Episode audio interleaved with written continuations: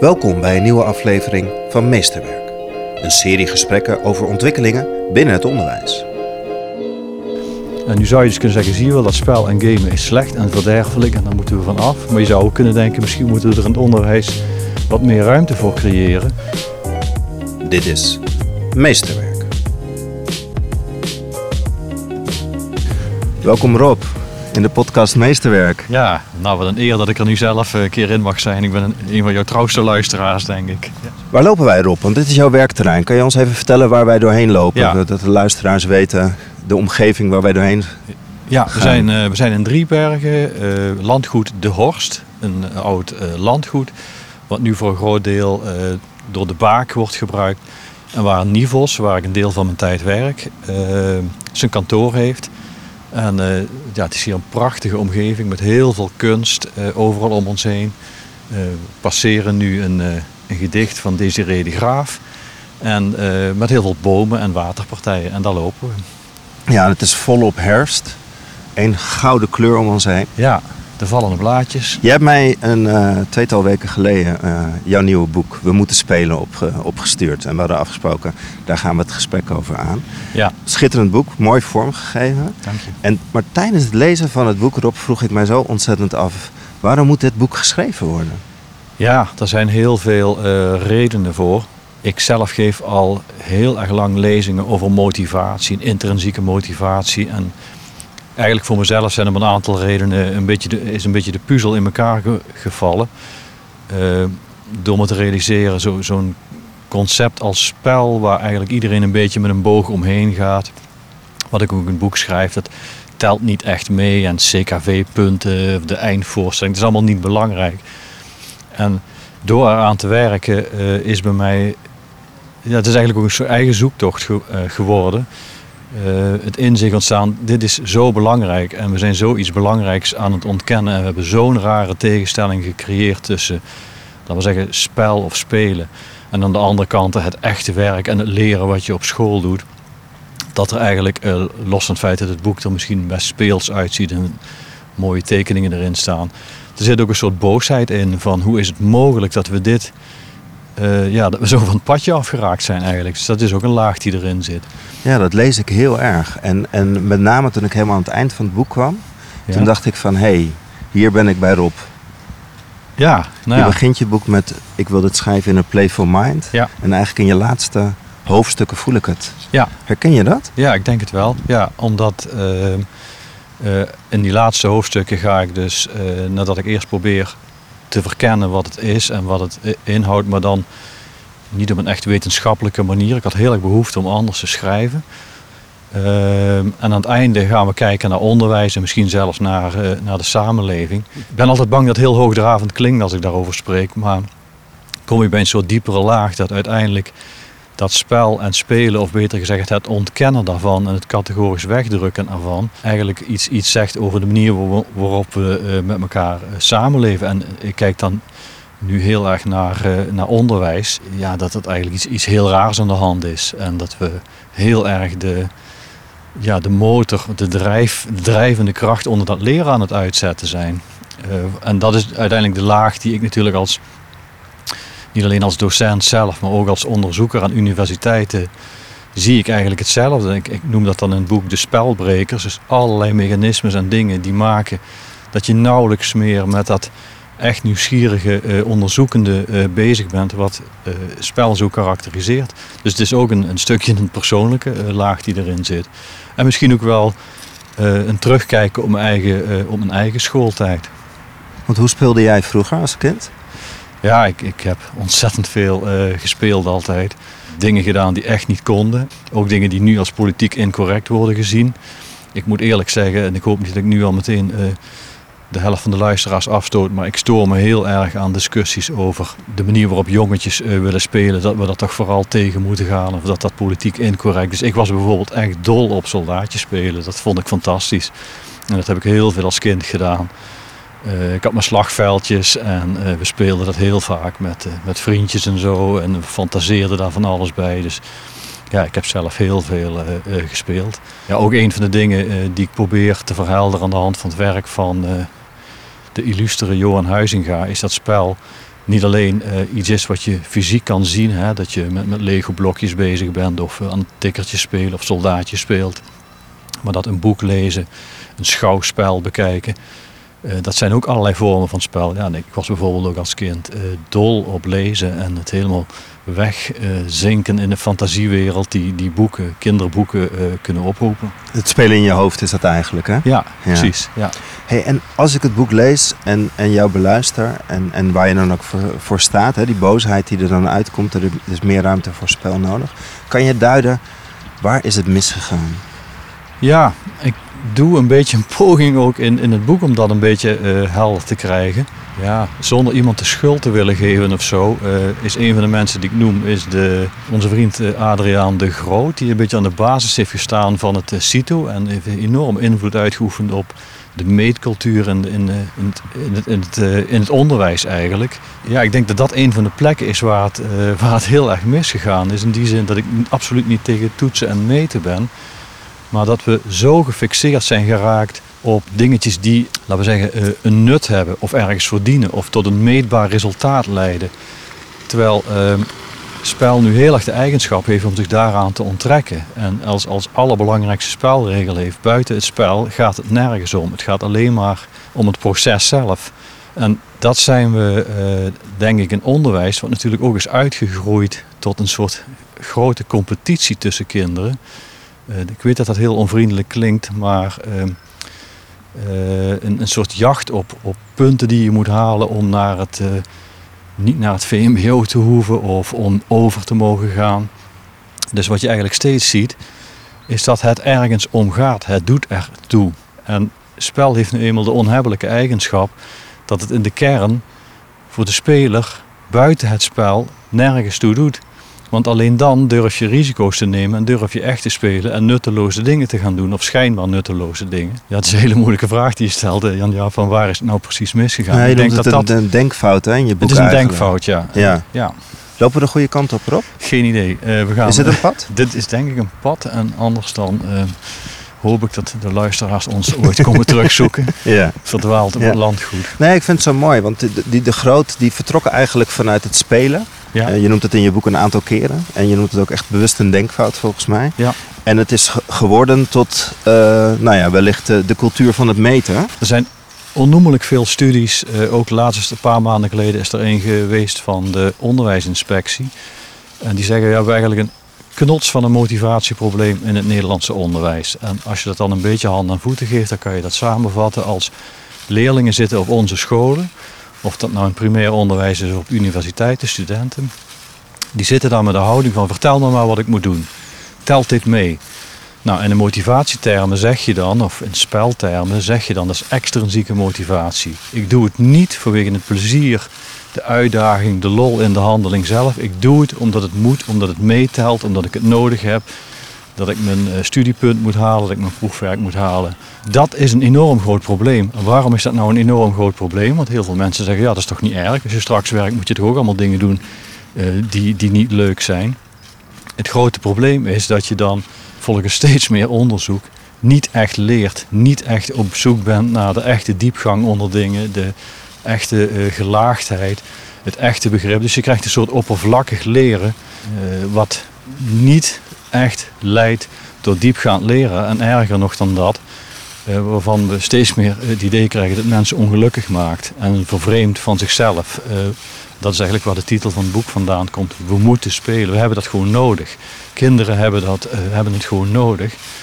En ja, we zijn daar eigenlijk steeds verder van af aan het gaan. Zijn er nog scholen die jij ziet die helemaal nog vandaar vertrekken? Ja, Zie je mooie voorbeelden erop? Ik zit even te denken hoe, hoe ik het beste eh, kan beginnen. Want eh, nou, er zijn inderdaad, je ziet in vrije scholen zie je, zie je elementen. Je ziet in vrijnetscholen eh, zie je elementen. Technasium zie je heel duidelijk in elementen. In dingen wat wel eens de, de weekendschool of de tienerscholen worden genoemd, zie je elementen. Dus je ziet eigenlijk op heel veel plekken zie je wel elementen ervan terug. En als je gaat teruglezen, dat heb ik ook proberen te doen bij, bij mensen als Vreubel en Freinet, Montessori. Eh, niet te vergeten eh, Helen Parkers, wat die allemaal gezegd hebben over onderwijs. Dan beweer ik dus dat je daar een patroon van spelend leren onder kan aantreffen. Nou, daar kan je heel ingewikkeld over doen, maar eigenlijk is het helemaal niet ingewikkeld. Het gaat eigenlijk om de vraag, wat doet een kind of een leerling als hij mag doen wat hij wil? Dan gaat hij spelen. Dus eigenlijk is de vraag in hoeverre eh, heb je op scholen de ruimte om dat te doen? En in welke mate tref je dat aan eh, op scholen? Nou, dan zijn Agora en democratische scholen die ik noem de plekken waar je dat heel duidelijk en expliciet en misschien in de ogen van sommige mensen ook echt chockerend ver uh, doorgedacht ziet. Maar er is natuurlijk ook heel veel plekken. Ik heb ook heel veel gespeeld zelf als kind op school. Door bijvoorbeeld boeken te lezen die ik spannend vond. Of gegrepen te worden door um, dingen die ik wel uh, echt interessant vond. In mijn geval bijvoorbeeld biologie. Dus ik zou er niet echt een, een, tegenstelling van willen maken van het gebeurt helemaal niet op traditionele scholen. En je moet per se naar, naar Roermond afreizen of naar Amsterdam naar een aantal vernieuwende scholen. Of naar het Vathorst of Laterna Magica, noem maar op. Ik vind het heel tof wat daar gebeurt. Maar wat ik eigenlijk probeer te laten zien is dat het veel meer een, ja, een, een patroon is wat je in meerdere of mindere mate uh, op scholen kan aantreffen. Het woord playful.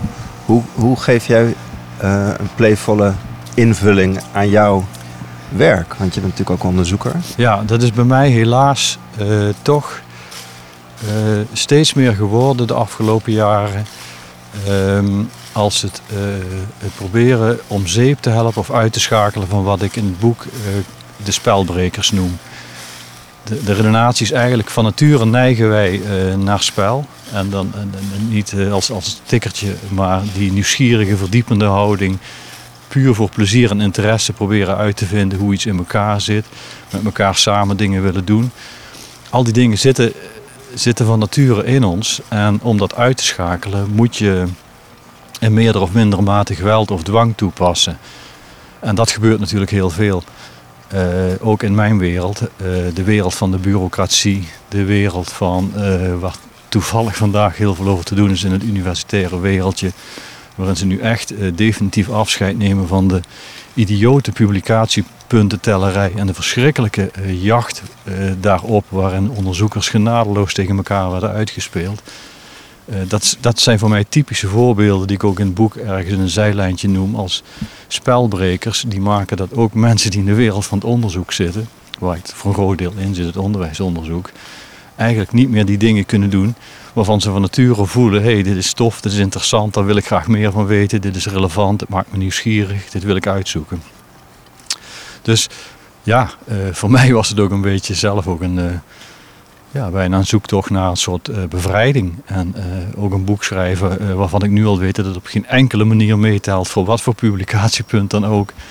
ja, heb je dat idee? Ja, dat weet ik. Het idee dat je er tegenaan schopt? Ja, ja? Dat zit misschien het sterkste in het feit dat je probeert allerlei dingen te benoemen of processen te beschrijven.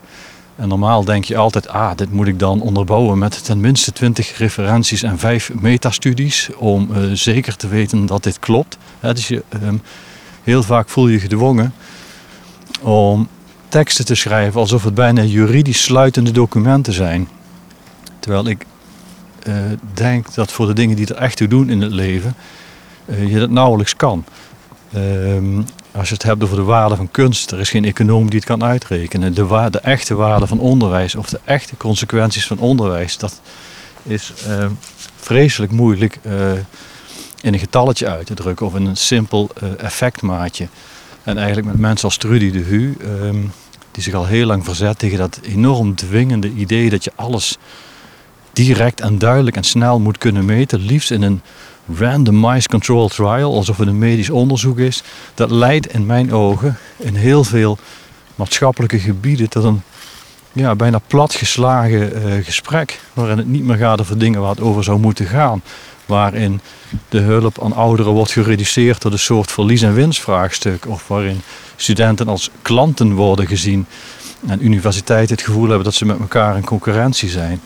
En dat zijn dus eigenlijk allemaal dingen waarvan ik denk die verstoren heel erg dat uh, uh, wat ik noem spelen, leren of playful mind. Maar dan klinkt het dat jouw boek eigenlijk een bevrijding is tegen die cultuur. Want ik voel ook ja. vanuit het onderwijs een enorm verlangen om dat los te laten. Ja. Om weer naar kinderen te kijken, om ja. ruimte te geven. En ruimte te maken. Ruimte. Ik was laatst op de Nacht van de Leraar. Er was één woord wat iedereen verlangde in het onderwijs, was ruimte. Ja. En als ik naar jouw boek kijk, dan, dan, dan onderbouw je ook nog eens een keer ontzettend goed waarom het zo belangrijk is om dat te doen. Dus Ja, ja, de, de, de- het is bijna doe je niet de deur gewoon voor ons open, Rob. Dat is mijn poging, ja. Mijn, mijn bescheiden bijdrage, om het maar zo te noemen. En als je het woord ruimte noemt, ik zou het graag vertalen als het woord speelruimte. Eh, je creëert letterlijk ruimte om te spelen. En als iemand eh, klem wordt gezet en eh, je eigenlijk voortdurend denkt, alles wat ik doe moet ik rechtstreeks op een tijdschrijfformulier kwijt kunnen. Moet ik documenteren, eh, moet leiden tot een voldoende. Eh, snap je al die dingen die, die dat afrekenen, dat haalt heel erg die ruimte weg. En ehm, het kan zo bevrijdend zijn om met een groep collega's, docenten of wie dan ook aan tafel te gaan zitten een uur lang en te zeggen we hebben geen agenda. En heel vaak zullen we denken dat kan toch niet en we moeten toch een structuur en een agenda hebben, maar soms heb je hem niet nodig. En moet je er wat meer op vertrouwen dat mensen en zeker ook kinderen als ze kunnen doen wat ze willen doen, geen idiote dingen gaan doen, maar wel geneigd zullen zijn om die dingen te doen eh, die ze graag willen. En die, eh, nou ja, goed, en dat is dan eh, een beetje de evolutionair-psychologische kant die ik door, door het boek heen weef als een manier om een beetje afstand en verbazing te kijken naar al die dingen die wij mensen doen. eh, is dat het eigenlijk ook heel erg logisch is, of laat ik het anders zeggen. Dat het heel onlogisch zou zijn dat als kinderen niet voortdurend gedwongen worden tot dingen, eh, en ze gewoon konden doen wat ze zelf liefste doen. En dat is spelen. eh, dat het heel raar zou zijn als ze dan allerlei dingen gaan doen die totaal niet van belang zouden zijn. Of die nergens toe zouden leiden. Eh, of die eh, niet zouden bijdragen aan dat leren. Dat, dat is heel onlogisch eigenlijk. Dus het is eigenlijk een, een oproep of een appel om meer vertrouwen te hebben. En als je vertrouwen hebt in kinderen en ze meer laat doen wat ze van nature, waar ze voor gemaakt zijn, dan zullen ze gaan spelen. En dan gaan ze leren. En dan gaan ze leren, onvermijdelijk. Ja. Dan kom ik toch weer bij mijn eerste vraag terug, Rob. Want je zei in het begin van, er zit ook boosheid, ik moet het van me afschudden. Ik voel ook letterlijk in jou dat je de gevestigde orde van jezelf losschudt. Die veren Ja. waar je aan moet voldoen, die gooi je weg. Ja. En voor mijn gevoel eindig je daar in je boek. En waarom ben je niet eigenlijk daar begonnen? Waarom heb je toch een aantal hoofdstukken gewijd aan het onderbouwen van het feit dat het allemaal zo gekomen is en waarom spel zo belangrijk is? Waarom begin je niet gewoon bij die kracht van spel en laat je, net zoals je net zo mooi in het voorbeeld geeft, niet zelf die agenda los? Ja, eh, ja misschien is dat toch een, een beetje nog de, de wetenschapper in me is die toch denkt, eh, we gaan het hebben over een concept, wat volgens mij, ehm, ik, ik vind het een, een, een concept wat heel erg geëmancipeerd zou moeten worden en eh, waarvan wat een aantal kenmerken heeft, waardoor het continu onderschatten en niet zien hoe belangrijk het is, hoe, hoe karakteriserend het voor ons als mens is. Dus ik had het idee, eerst moet ik dat afpellen en laten zien hoe belangrijk het is voor de drie belangrijkste functies die ik er een beetje aan toeken. Dat is de, ehm, de sociale kant. Hè, dus de, het, maakt ons tot, tot, so- het helpt ons om sociale wezens te zijn die we ten diepste zijn. Eh, de lerende kant en de creatieve kant eh, ervan. Het leek mij gewoon logisch om het zo te doen, Jan. Ja, Ja, ja. Nee, maar je, je hebt een, je hebt iets heel moois neergezet en je wilt volgens mij ook gewoon stevig in de wereld zetten. Ja, En niet ja. als losse flodder. Ja, en misschien dat ik daar nog iets over mag zeggen, omdat spel heeft volgens mij ook een aantal kenmerken, waardoor het, eh, het is bij wijze van spreken spel aan zichzelf, het spel opgevat als een playful mind. Eh, bijvoorbeeld als je een spelletje speelt, als ik mijn volleybalclubje heb, dan vergeet ik hoe groot mijn inspanningen zijn. Als ik naar een spannend toneelstuk of een spannend boek lees een heel gaaf eh, probleem probeer op te lossen, dan word je meegenomen en je, je vergeet jezelf bijna. Je vergeet zelfs het, alles buiten het spel als je, als het echt heel erg wordt meegenomen. En dat heeft de onhebbelijke eigenschap dus dat we eigenlijk niet in de gaten hebben hoe, eh, hoeveel we doen door te spelen, omdat het simpelweg niet opvalt. En een andere onhebbelijkheid van spel is dat je altijd het gevoel moet hebben: het is niet belangrijk, het is maar een spelletje. Want alleen dan heb je de veiligheid om nieuwe dingen te proberen. En dat geldt zelfs, ik zie net twee spelende honden hier voorbij rennen. Dat geldt ook voor honden die spelen. Die spelen nooit met echt eten. Die spelen met dingetjes die er niet toe doen. En ze kwispelen, kijk, je ziet hier die, die drie honden rennen, ze kwispelen. Ze zijn eh, duidelijk aan het... Vier honden zijn het.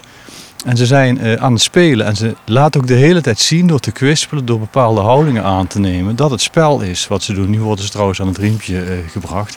Lijken wel eh, leerlingen die naar school moeten. Ze gaan nu aan het riempje. Want je zitten en je vinger opsteken. Ja, een hond is natuurlijk een dier wat eh, moeiteloos een andere hond kan verwonden en eh, iets kan doen wat vervelend is. Dus hij moet voortdurend signaleren, joh, het is maar een spelletje. En als je goed naar een spelende hond kijkt, dan zie je dat hij, komt er nu één naar ons toe, uh, dat hij dat ook de hele tijd signaleert van I have friendly intentions, noemt Peter Gray dat, spelonderzoeker. En die veiligheid heb je nodig. Die is, cruciaal, maar dat maakt eigenlijk ook dat spel uh, zich heel vaak, zoals ik dat noem, zich tooit als een nar. Er een beetje belachelijk uitziet, uitstraalt dat het niet serieus is. Uh, nou ja, dat is dus wel een, een, een, eh, een dingetje, uh, zo gezegd. Dat, we, dat maakt dat we spel dus ook een beetje in het hokje zetten. Het doet er niet toe, het is niet belangrijk, het is maar een spelletje. Een spel heeft het nodig om te kunnen werken, die uitstraling te hebben van een grap, een, iets wat niet echt serieus is, wat een beetje dolle is. Want alleen dan voel je de ruimte om, om dingen uit te proberen. Uh, uh, misschien ook wel een keer risky play te gaan doen. Juist dan durf je risico's te nemen, omdat het niet moet. Omdat er niemand is die jou verplicht. Of durf je dingen te doen die, ja, waarvan je helemaal niet weet of het ooit een nut zal hebben. Dat is natuurlijk cruciaal om tot creativiteit te komen. Want als je alleen maar denkt, alles wat ik hier doe moet een direct nut hebben, moet tot een voldoende proefwerk leiden of wat dan ook. Dan ga je nooit allerlei paadjes bewandelen of rondzwerven of dingetjes uitproberen. Gewoon voor de fun om, om iets uit te proberen. Dus er zijn allerlei redenen waarom je dat, uh, dat spel heel erg kan uh, onderschatten. Ja, dat, dat, ik vind dat je dan in je boek heel mooi de volgende stap maakt door te vertellen wat dan de waarde is van dat spel. Ja. En wat je daaruit kan leren. En dat risky spel, hè, wat je net zegt. Ja. Um, hoe je dan eigenlijk aan, aan persoonsvorming werkt door middel van spel. Ja, ja nou ja, dat is dus um, ook iets uh, wat we niet direct in de gaten hebben. Omdat als we spelen, willen we er eigenlijk helemaal niet over nadenken. Als volwassenen spelen lijkt het vaak een beetje onnozel. Maar als je heel goed kijkt, wat er, uh, als je het even hebt over die, die sociale kant van het spel.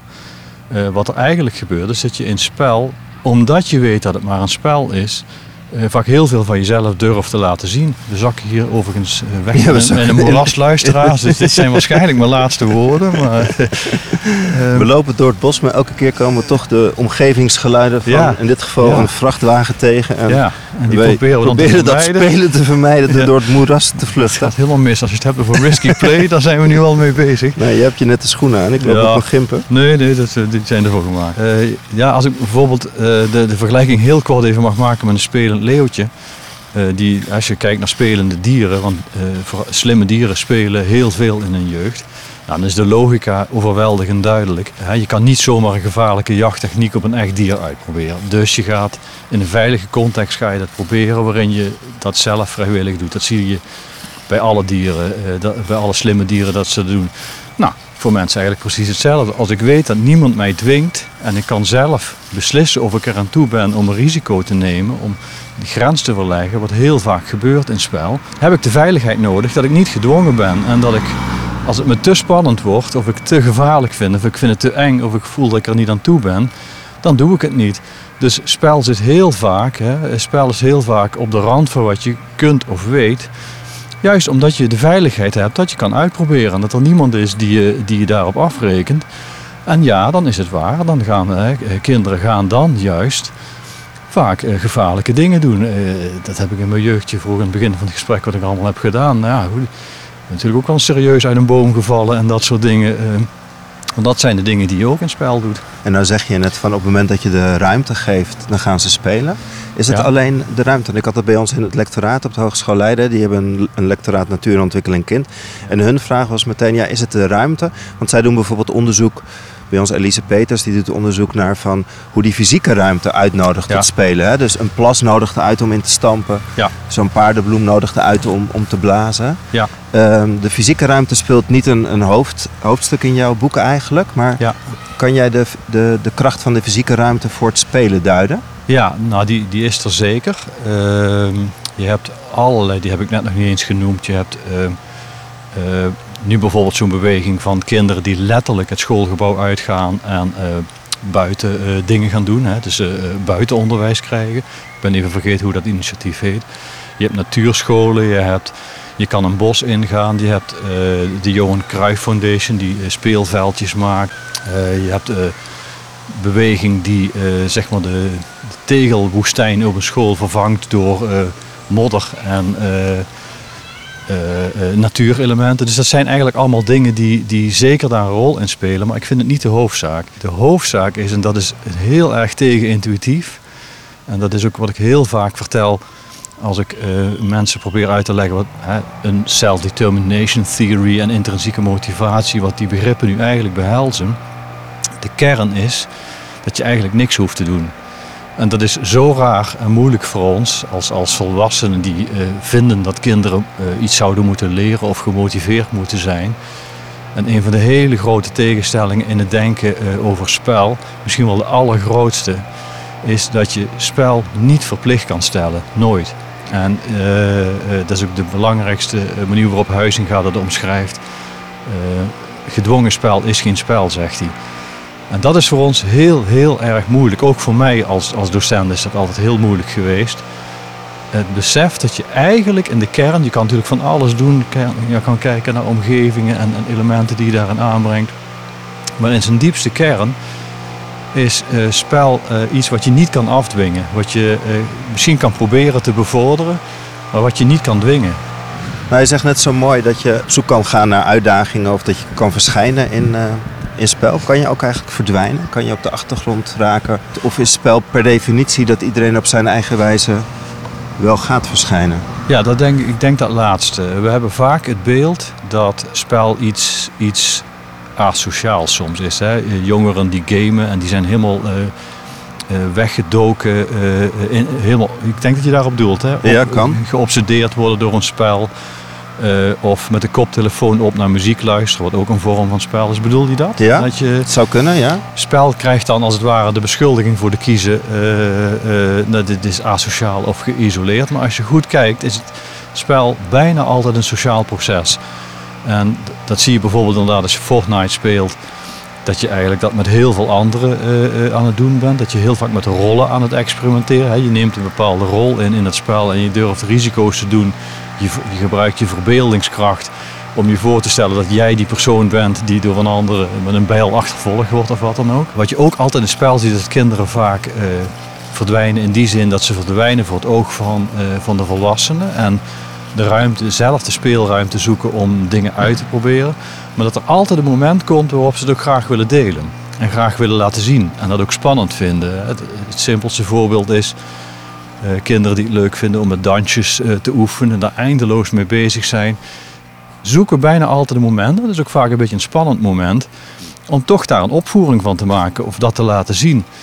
En uh, spel heeft dus ook de rare eigenschap dat het vaak verlegenheid kan opwekken of een soort schroom. dus het is eigenlijk altijd dat spel in van eerst voor jezelf de veiligheid, te vertrouwen, dingen uitproberen en zelf ervoor kiezen uh, wanneer je dat uh, aan anderen wil laten zien. Dus spel kleeft vaak de beschuldiging aan van het is allemaal heel erg uh, hedonistisch en op jezelf gericht en je verdwijnt erin. En je wordt helemaal geobsedeerd door ehm, bijvoorbeeld computerspellen die beschuldiging vaak voor de kiezer krijgen. Maar uiteindelijk denk ik dus dat het veel socialer is dan het op het eerste gezicht lijkt. En misschien als ik dan toch nog één ding over mag zeggen. We, we hebben nu een soort de klassieke tegenstelling van onze tijd is de gamende puber die niet aan zijn huiswerk wil werken. En helemaal geobsedeerd, vooral jongens meer dan meisjes, uren en uren zit uh, te gamen. En nu zou je dus kunnen zeggen, zie je wel, dat spel en gamen is slecht en verderfelijk en daar moeten we van af. Maar je zou ook kunnen denken, misschien moeten we er in het onderwijs wat meer ruimte voor creëren. Uh, zodat ze wat minder in de handen vallen van uh, de game-industrie, die inderdaad misschien wel probeert allerlei slimme elementjes in te bouwen die verslavend zijn of zelfs geld kosten. Maar ook ontzettend uitnodigen tot samenwerken en slimme ja. oplossingen ja. om door te gaan. Ja. Ben je bekend met TikTok? Uh, ja, ja, ja, ja dat is enigszins. Ja. ja, dat is een beetje wat je net zegt. Hè? Dus dat kinderen ontzettend willen verschijnen. Ja, ja klopt. Ja. Ja, Nou, het, heeft, het heeft alle, uh, alle elementen van, uh, van spel in zich. Um, en kinderen hebben een enorme eh, drang om daarmee aan de slag te gaan en zich te laten zien. Herzien en bekeken worden is een heel belangrijk onderdeel in, in, in, eh, in heel veel spel. En ik zag laatst dat het een waanzinnige, meer dan 500 miljoen kinderen op de wereld heeft eh, die dat spelen. En ja, ik was was groot? Het is echt enorm groot, ja. Ja. En het is eigenlijk een wereld die zich toch voor een behoorlijk deel onttrekt aan onze waarneming. En eh, waarin we ook in, ja, in onderwijs eigenlijk relatief heel erg weinig mee doen. Als laatste vraag, eh, eh, Rob. Als je nu deel 2 mag schrijven, waar zou het over gaan? Ja, deel 2 zit nu zit ik eigenlijk ook een beetje te denken aan ehm, eh, spel voor wat oudere kinderen, zeg maar volwassenen bijvoorbeeld. Er zijn, dus dat is wel een richting waar je in zou kunnen gaan. En een andere waar ik aan denk is een meer in een volgende deel veel dieper ingaat op wat ik nu wel aanreik met een aantal voorbeelden van, van scholen, van, van Vathorst tot Materne Magica tot ehm eh, Nike eh, in Roermond scholen die ermee spelen, je zou dat natuurlijk veel dieper kunnen uitzoeken. Of wat ik, nou nu zeg ik, eh, het ene idee naar het andere, of veel dieper de relatie tussen kunst en spel. Hè, Huizinga stelt die twee eigenlijk gelijk aan elkaar. Die zou je veel eh, verder kunnen eh, verdiepen. En bijvoorbeeld de persoonlijke biografie van een aantal mensen die heel vernieuwende dingen in het onderwijs hebben gedaan. Dat zijn heel vaak mensen die eh, ook kunstenaar zijn. En dat vinden we nu niet meer dan een grappig feitje of uh, goh, wel interessant om te weten. Dat bijvoorbeeld Tolstoy ook een, hè, eh, eh, een, eh, iemand was die heel veel met, met, met school en onderwijs gedaan heeft. Maar misschien heeft dat een diepere betekenis en misschien zou het ook heel leuk zijn om die laag verder af te pellen. Rob, mag ik je danken voor dit gesprek? En mag ik je danken dat je een boek in de wereld hebt gezet die het ontzettend belangrijke spel gewoon centraal zet. En je hebt volgens mij echt een deur opengetrapt. En eh, ik wil eigenlijk afsluiten ook een beetje spelen. Want eh, ik maak normaal altijd een, een selfie. Gewoon met de telefoon. Maar in jouw boek komt een aantal keren het woord eh, drone voor. Ja? Dus ik heb een drone meegenomen. Ach, dat meen je niet. En ik, ik wou voorstellen dat wij... het is een beetje grijzig, maar we gaan toch proberen gewoon een mooie dronefoto Oh, tof. van ons samen te gaan maken. En die, die voegen we er dan bij. Wat tof, ja. Ik, ik was net een beetje aan het, aan het verdiepen of ik to- toch met kerst of zo mezelf weer eens een klein, niet te duur droontje cadeau kan doen. Ik kan Dus het je ontzettend aanbevelen. Ja, ja, ik heb er vaker mee gespeeld. Dus, eh, fantastisch, ja. nee, Nou, dat we kan gaan niet mooier. Ja, we gaan spelen. Ja, dankjewel Rob. Dit gesprek met Rob Martens is er eentje uit de serie Meesterwerk. Meer podcastafleveringen van Meesterwerk zijn te beluisteren via Spotify, iTunes, Soundcloud of kijk op janjapubeek.nl. Wil je meer informatie over Rob Martens of Stichting Nivos? Kijk dan op www.nivos.nl. Daar vind je duizenden blogs en artikelen geschreven door en voor onderwijsmensen. Hoe dan ook, tot de volgende aflevering van Meesterwerk.